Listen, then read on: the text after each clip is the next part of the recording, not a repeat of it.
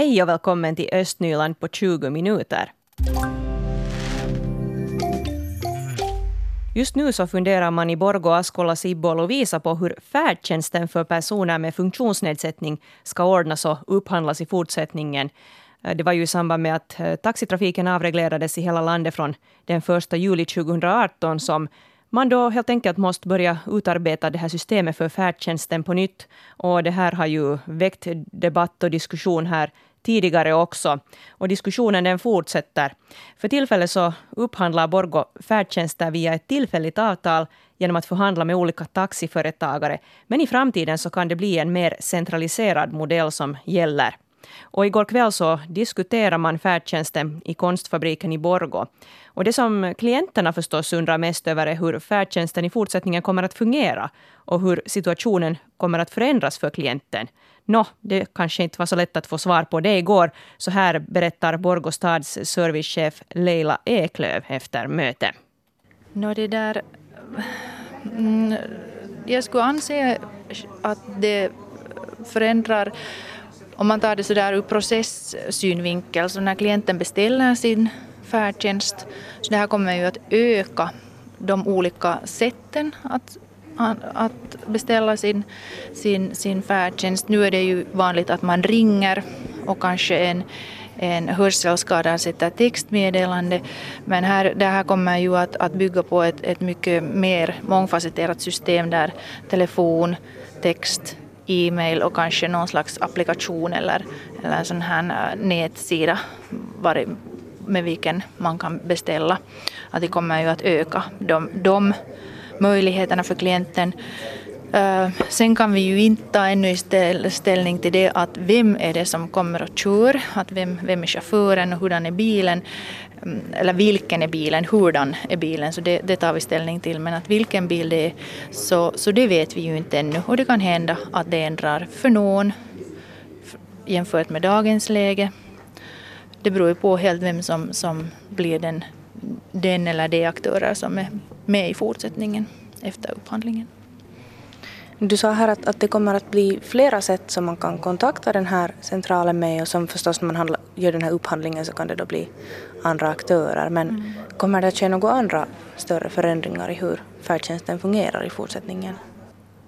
Liksom basservicen är i princip helt densamma som nu och vi har inte bestämt att kommer det att eh, gå till så att man samåker och vem är det som samåker i så fall och på, vi, på vilka villkor. Det här är helt ännu öppet, att det behöver man i det här skedet inte vara särskilt rädd för eller, eller en antagelse att det skulle vara någon eh, målsättning som, som vi på något sätt eh, explicit eftersträvar. Så, så det är det nog inte. Men det här möjliggör, det, det här är ett flexiblare system än, än dagens system. Borgå planerar alltså nu då just tillsammans med Askola och Sibbol visa det här hur färdtjänsten ska sköta och hur man ska göra den här upphandlingen.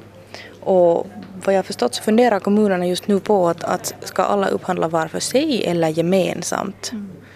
Har det kommit fram något, något nytt om det till exempel vad klienterna skulle önska eller taxichaufförerna skulle önska eller, eller om kommunerna har kommit fram till någonting här?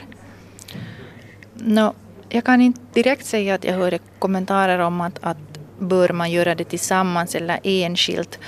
Om man tänker på branschen så är det ju nog ett slag av volymbransch och ur synergisynvinkel så kan det därav vara äh, gynnsamt att upphandla tillsammans jag har svårt att se att varför det skulle bli bättre om alla kommuner gör det enskilt. Utan, utan nu skulle det ju vara fiffigt kanske nu i det här skedet att slå sig samman. Men jag kan ju inte ta ställning till att hur det kommer att gå. Det är ju ett politiskt beslut i varje enskild kommun. Och det sa Borgos servicechef Leila Eklöv till vår reporter Mira Bäck. Och det gäller alltså nu då för Borgo, Askola, Lovisa och Sibbo att besluta om kommunerna ordnar konkurrensutsättning av färdtjänsterna själva eller tillsammans. Och det här hoppas Eklöf att politikerna ska besluta om under våren eller hösten så att man kan komma igång med att ordna konkurrensutsättningen ännu i år. Och jag har nu ringt upp Kenneth Ekholm i Sibbo. Han är synskadad och medlem i Svenska synskadade i mellersta Nyland. Och han är också klient inom färdtjänsten. God morgon Kenneth. Nej, men god morgon, god morgon. Eh, med egen erfarenhet nu av färdtjänsten som du anlitar där i Sibbo och med tanke på att du också sitter med i det här rådet för personer med funktionsnedsättning i kommunen. Så vad tycker du att är viktigt nu ur klienternas synvinkel när man funderar på hur man ska sköta den här färdtjänsten framöver? Ja, alltså det, det, det, det som är det allra viktigaste är att man, man går på den personliga nivån. Att, att man, man, man liksom ser det här personliga behovet. Och färdtjänsten är ju en jätteviktig sak för oss synskadade och för många andra, andra handikappgrupper också. Och, det där, och, och man kan liksom sköta olika saker på samma gång som man åker så att säga med, med färdtjänst med taxi då från, från punkt A till punkt B. Man kan, man kan sticka sig in och fast rösta i EU-valet och, det där, och man, kan, man kan eh, gå och köpa något smått i butiken och så vidare. Och, det där, och då, då minskar man på samma gång kommunens belastning på, på till exempel personlig assistentbehovet. Att, att, att, det där, att, att har man en en, en, en, en färdtjänstchaufför, en taxichaufför som man känner riktigt bra så kan man till och med, till och med det där ge sitt bankkort och säga att lyft nu 40 euro i automaten och, och så fortsätter vi liksom sådär. Att det är en jätteviktig service. Mm. Och är du och andra nu då oroliga för att den här biten kommer att försvinna om vi man går in för en centraliserad modell? Ja, vi är mycket oroliga över den här, över den här det där grejen som håller på att sprida sig över hela landet. Um, vi har haft ett jättebra färdtjänstsystem i, i Östnyland och också överhuvudtaget i, i, i hela Nyland och i hela landet. Men att nu om man, om man börjar grunda de här olika färdtjänstcentralerna uh, i samma modell som i Helsingfors, så då, då, det där, um, då begränsar det nog vår rörelsefrihet eh, radikalt och det där. Och sen om man, om, och, och det, det, är ju det att, att, att det talas ju om kostnader. Men att om vem som helst av oss så kan ju tänka sig det att lähitaxi sköter ju om hela, hela Nyland här ungefär och det där. Och de har ju en färdig, färdigt eh, uppbyggd en, en, en beställningscentral. Att sen om man ska börja kommunvis eller, eller då i Östernyland då Borgå centralt dra upp en ny färdtjänstcentral så det kostar ju 20-30 miljoner har vi räknat ut extra kostnader istället för att man ringer en lähitaxi och, och, och det där får sin, får sin det där färdtjänst den vägen. Att, att det där, jag tycker att kommunerna är ute och seglar riktigt rejält här på den här frågan. Mm.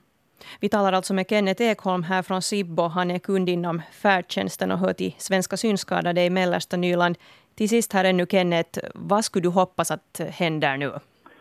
Jag skulle hoppas att, att, att, att, att vi i östra nyländska kommunerna tar skeden i vacker hand och fortsätter med, med, med det där förhandlingar med, med, de, med de lokala handikapprådena och, det där, och lyssna verkligen på vad våra behov är. Och, och, och vi har också kunskap om att, att, att, det där, att inte öka på kostnaderna radikalt som, som kommunernas beslutsfattare tycks vilja göra i och med att, att de, de vill grunda en, en färdtjänstcentral som kostar tiotals miljoner extra för kommunerna än det nuvarande systemet. Vi får se hur det här slutar. Tack ska du ha, Kenneth Ekholm, för att du var med här i sändning. Tack själv.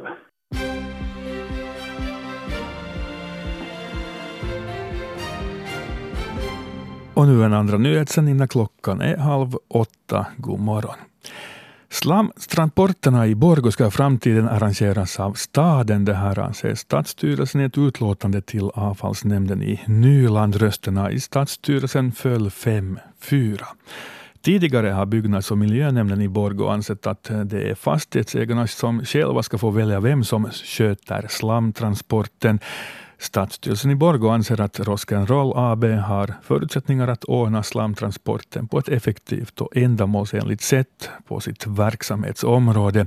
Avfallsnämnden i Nyland behandlar frågan på sitt möte i kväll.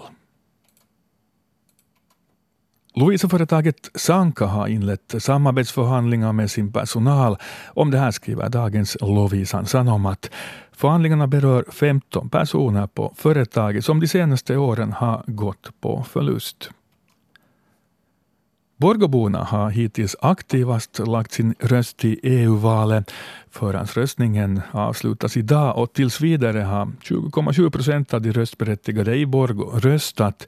I Nylands valkrets är det bara i Grankulla som fler personer har eh, gjort det.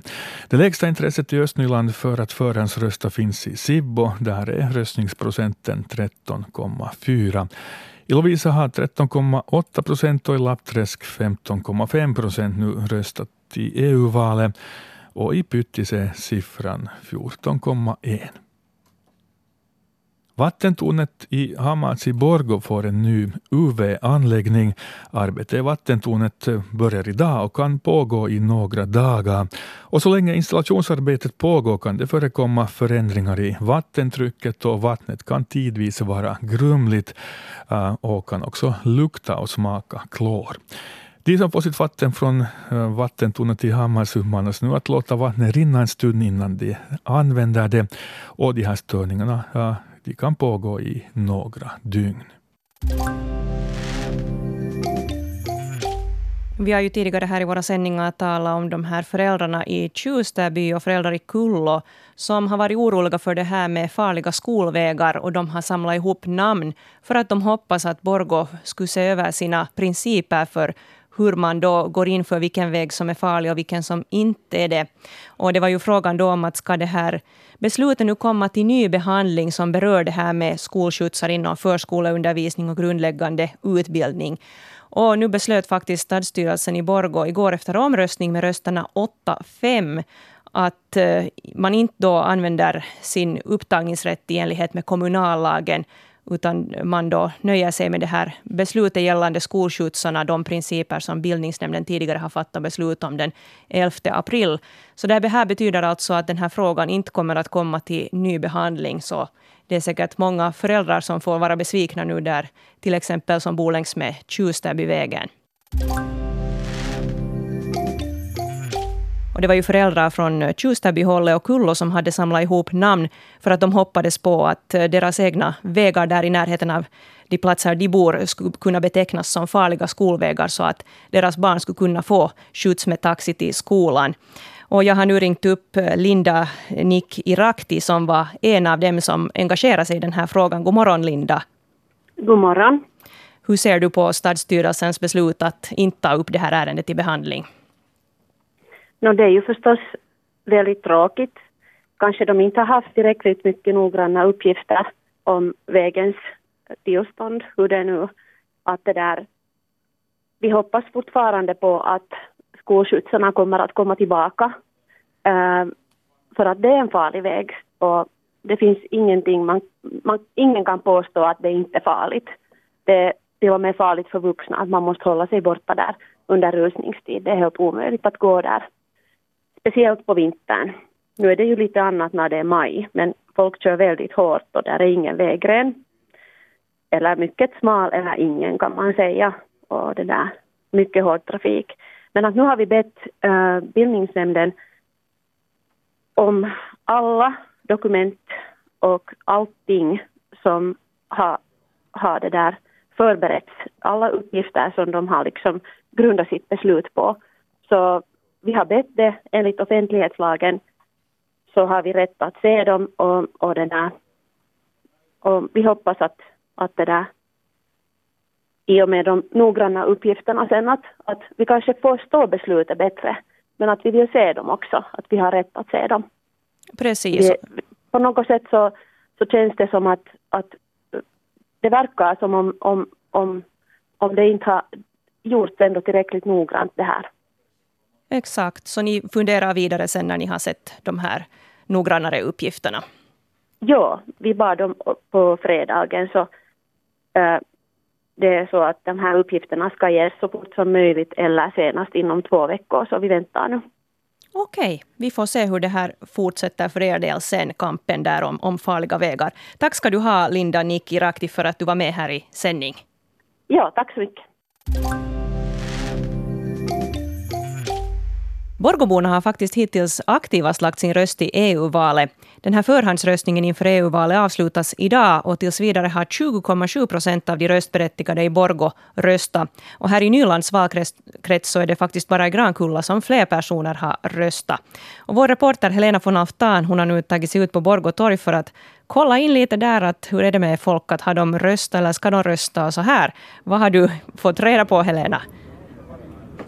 Jo, jag är här med, tillsammans med Jonny Holmström uh, som sitter här och dricker morgonkaffe och läser tidningen, uh, klädd i shorts och t-skjorta, riktigt sommarkläder. Uh, hur är det, tänker du själv rösta i EU-valet?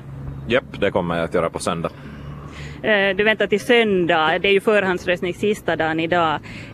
Det här EU-valet kanske folk inte riktigt lika intresserade av som, som andra val. Vad tror du det kan bero på? Kanske de här frågorna som tas upp i, debatten och överhuvudtaget EUs roll i, Finland så är lite distant för, för finländare och säkert i andra, andra länder också. Det är säkert största orsaken, orsaken varför, varför det här valdeltagandet är lite lägre i EU-valet än, än i andra val. Vad motiverar dig då till att gå och rösta? Nå, nu hör det lite till att rösta, så kan man inte klaga sen efteråt att, att, man, att det är fel personer som, som det här fattar beslut för oss. Mm, ja, det kom ju lite snabbt på efter riksdagsvalet. Nå, det gjorde ju det att kanske de borde fundera på att kombinera, kombinera valen på något sätt, men att vad, vad är där? Inte det är så mycket begärt att, att gå, gå och skriva en siffra på en lapp och, och rösta. Tack Jonny Holmström. Jag ska låta dig fortsätta dricka kaffe här och, och så ska jag se om någon av torgförsäljarna har tid att prata med mig. Och vår reporter Helena von Aftan hon har nu tassat vidare där på Borgå torg. Jo, jag befinner mig här bland tomatplantor och, och här är mynta och rosmarin och allt möjligt gott. Kan du berätta vad du heter, du som säljer det här? Ja, Kristoffer Lindberg. Äh, tänker du rösta i EU-valet? Nå, högst troligen nog, jo. Mm. Men äh, tycker du det här är, är intressant att följa med i det här EU-valet? Nej, det kan jag inte säga. Mm. Vad är det som gör att, att det känns att det inte, inte kanske är det mest spännande valet att hålla koll på? Nå, det är ju ganska icke-lokalt ska vi säga och det, därför känns det kanske lite inte så viktigt. Men fast det egentligen säkert är jätteviktigt. Mm. Hade du tänkt äh, rösta på söndagen eller har du redan för, hunnit förhandsrösta? Nej, det blir nog på söndagen. Mm. Och har du nu hunnit lite kolla på, på de här kandidaterna vad de tycker eller blir det sådär att man bara röstar på någon bekant? Äh, nu blir det troligen att man röstar på någon bekant. Mm. Tack, jag ska låta dig fortsätta sälja här. Här finns allt möjligt, möjligt gott du har här, tomater också och sånt. Tack. Och, och vi tackar dig Helena von Aftan. Du får bli kvar där och njuta av en glass kanske på torget. Företaget Sanka i Lovisa som tillverkar möbler för badrum och duschlokaliteter, de har nu inlett samarbetsförhandlingar. Det här är något som tidningen Lovisan Sanomat skriver om idag, Helena. Eh, ja, precis. Eh, I, I fjol gick eh, deras... Eh, de gick, gick de redan på plus, men därför det var det några år de, då de gick på minus. Eh, och därför har man nu samarbetsförhandlingar. De inleddes på fredagen och det här skriver då Lovisan Sanomat. Eh, de här samarbetsförhandlingarna gäller 15 personer där på företaget och de har allt som allt 19 anställda. Så det är ju, det är ju flera av dem. Eh, men de kommer att, att berätta mer om hur de här samarbetsförhandlingarna går till sen senare. Eh, de här Sanka gör, de gör alltså till exempel duschskåp tillverkar de och, och, en stor kund är att de gör duschskåp för till exempel kryssningsfartyg och sånt här. Så på sådana ställen syns, syns det. Uh, och det här företaget har funnits sedan 50-talet. Ja, och då var det glasögon som gällde tydligen. Ja, det är kanske därifrån det här namnet Sanka kommer. Man talar ju om silverlassi Sanka, det är den där glasögonbågen. Så det är kanske därför, därifrån det har kommit. Och någon gång i tiden har man också gjort designlampor. Men att nu är det ju just som sagt badrumsmöbler som gäller. Östnyland på 20 minuter är en svenska Yle-podcast. Det finns flera poddar på arenan. Jag heter Katarina Lind. Tack så mycket för sällskapet. Vi hörs!